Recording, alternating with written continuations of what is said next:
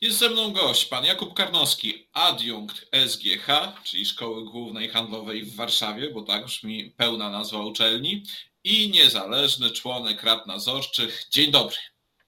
Dzień dobry.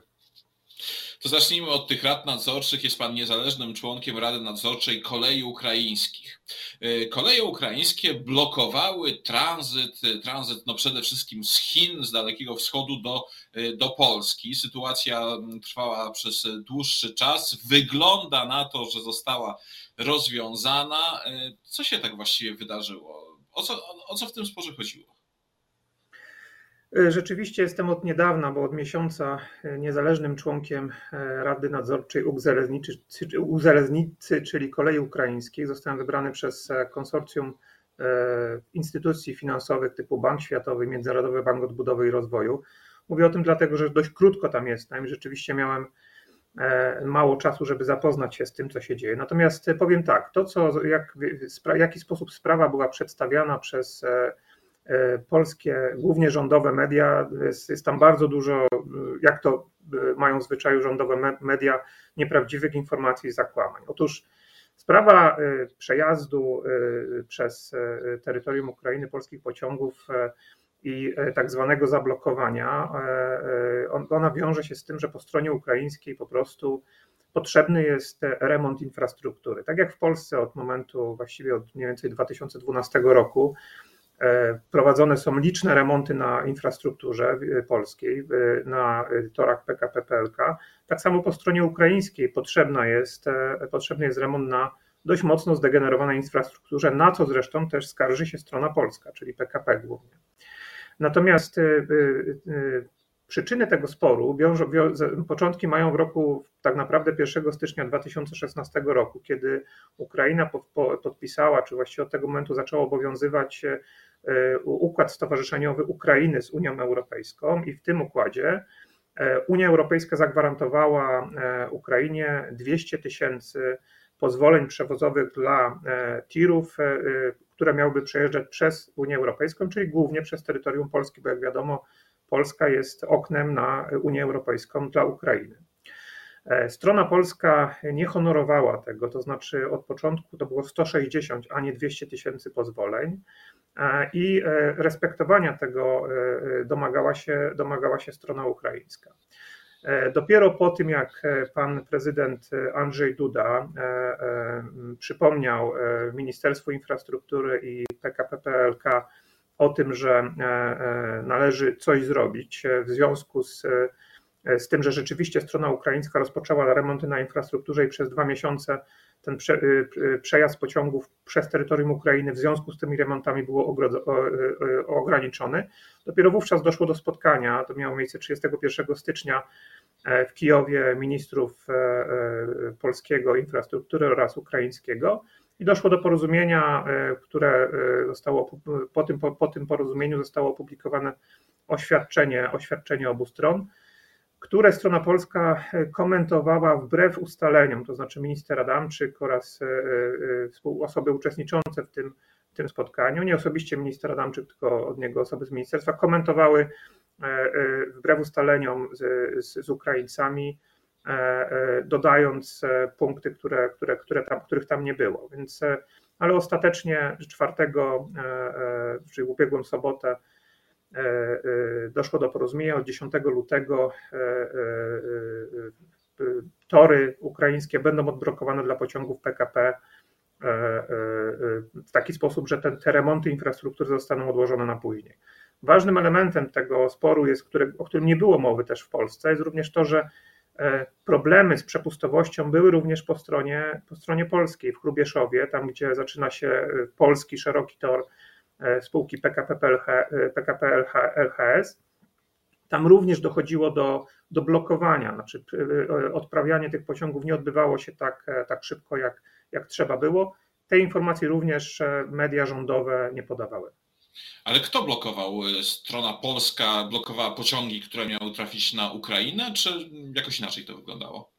Pociągi wyjeżdżające, poruszające się, stojące w Krubieszowie, znaczy opóźnienia były nie, nie, tylko po stronie ukraińskiej, ale również, a może nawet głównie okresowo po stronie, po stronie polskiej, związane na przykład z kontrolami fitosanitarnymi i tym podobnymi rzeczami.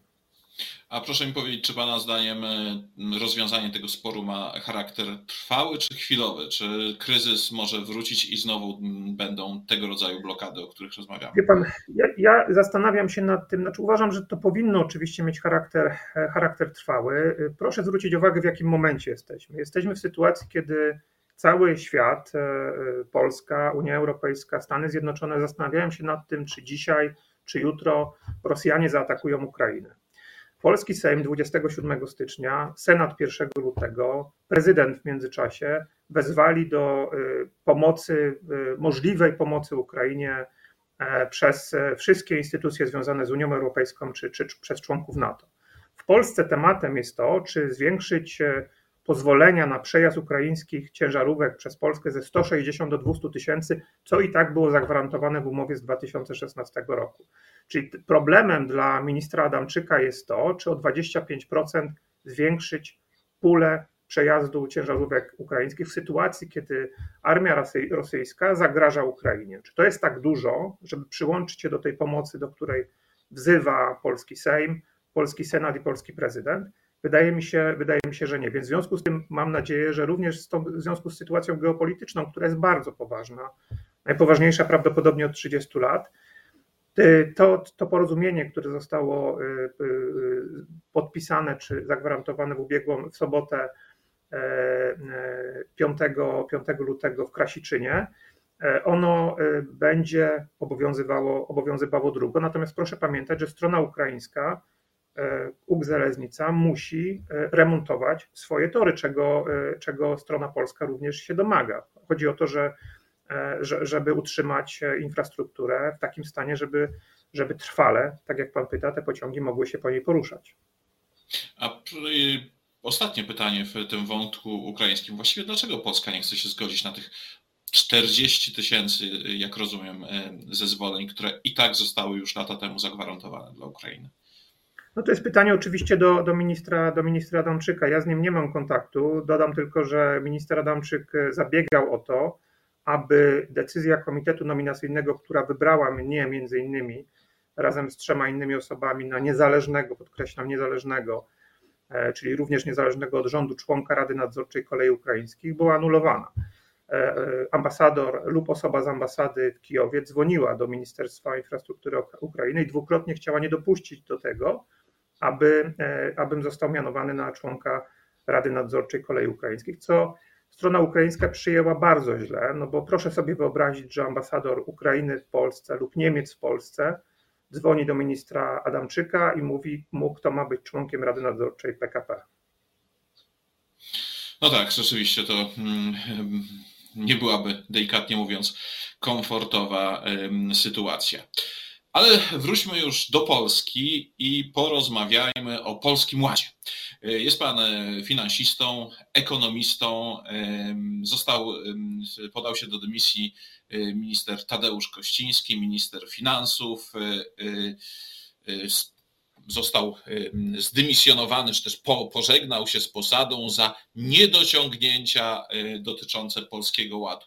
Czy to pana zdaniem kończy mm, problem związany z Polskim Ładem, jest osoba odpowiedzialna, odchodzi, no to wszystko powinno być już dobrze. Rok temu miałem przyjemność rozmawiać z Panem, jak pierwsze przecieki dotyczące tego, czym jest e, mniej więcej wówczas Polski Ład pojawiły się w przestrzeni publicznej. Przypomnę, że to było w lutym 2021, w czerwcu 2021 E, czyli przed wakacjami jeszcze e, premier Morawiecki e, i prezes Kaczyński i inne ważne osoby w obecnym układzie rządzącym ogłosiły, jakim wielkim sukcesem będzie, będzie Polski, Polski Ład i retoryka dotycząca, czy narracja, mówiąc językiem znanym z, z, z maili pana Dworczyka, jakby przebijała się taka, że, wielki, że, że Polski Ład jest wielkim, wielkim sukcesem. Ona utrzymywała się mniej więcej do połowy stycznia. A teraz okazuje się, że osoba odpowiedzialna za Polski Ład i to nie jest tą osobą odpowiedzialną premier Morawiecki, który trzymał tą narrację przez, przez ponad pół roku, że to jest wielki sukces, tylko pan Kościński, który z całym szacunkiem dla pana Kościńskiego, niewiele osób pewnie w Polsce wiedziało, kim jest minister finansów, tak jak niewiele osób w Polsce wie, kto jest ministrem spraw zagranicznych na przykład, e, e, bo, bo po prostu to nie ma w tym układzie, układzie politycznym większego znaczenia. Więc e, minister Kościński oczywiście był, okazał się być kozłem ofiarnym całej sytuacji. On ani nie był osobą, która promowała y, Polski Ład, ani pewnie nie był główną osobą przygotowującą, e, przygotowującą Polski Ład. On nawet nie był na podpisaniu takim słynnym, telewizje, w tym rządowa, pokazywały podpisanie, on nawet tam nie był obecny, więc jakby sposób jego potraktowania uważam osobiście za, za bardzo zły, ale to jest e, jakby rozgrywka w ramach e, układu rządzącego. Mówiąc konkretnie, Polski Ład jest bardzo złym projektem, jest najgorszym projektem tego rodzaju od początku polskiej transformacji, czyli od ponad 30 lat, co do meritum. E, e, z różnych powodów. Z takich powodów, że na przykład, czy przede wszystkim, że zabiera pieniądze samorządom e, z podatków, czyli jakby zmniejsza, Polska się centralizuje, co jest bardzo złe dla efektywności ekonomicznej.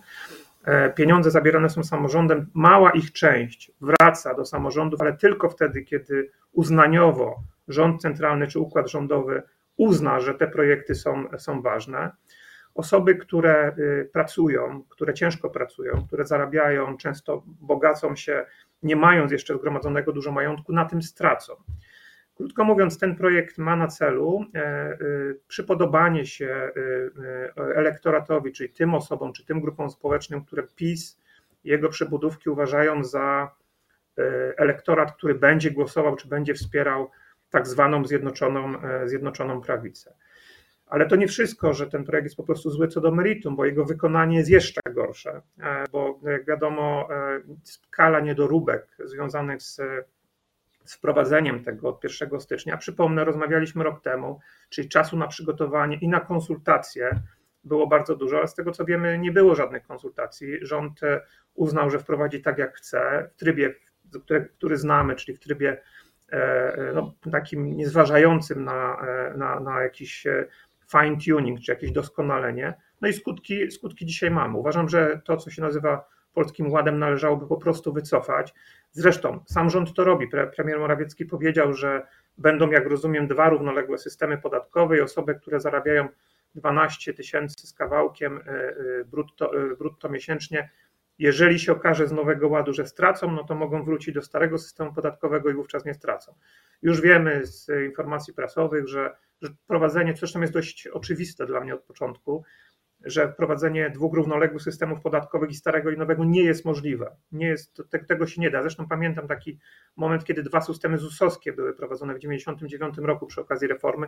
To się zawaliło i było, było bardzo, bardzo wiele problemów. Więc podsumowując, Polski Ład jest katastrofą w sensie merytorycznym i jeszcze większą katastrofą w sensie egzekucji. A no osobą no odpowiedzialną jest premier, premier Morawiecki, oczywiście, a nie, nie, nie jego e, e, kolega, który e, podpisywał i formalnie to firmował w ministerstwie, czyli pan minister Kościński.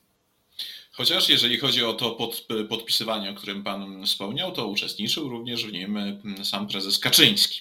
Ale yy, proszę mi w takim razie powiedzieć, no, Polski Ład ma jednak moc ustawową. Jest w tej chwili, jest w tej chwili obowiązującym e, prawem. Gdyby przyjąć sytuację następującą, że zmieniają się rządy w Polsce, na przykład dochodzi do władzy obecna opozycja, co wydaje się niewykluczone, biorąc pod uwagę najnowsze sondaże, chociażby sondaże z e, Rzeczpospolitej. No i cóż, no i e, zastają ten polski ład, tak? Co z tym zrobić? Przecież to tak zwane, mówiąc kolokwialnie, odkręcenie tego typu rozwiązań wcale nie musi być proste.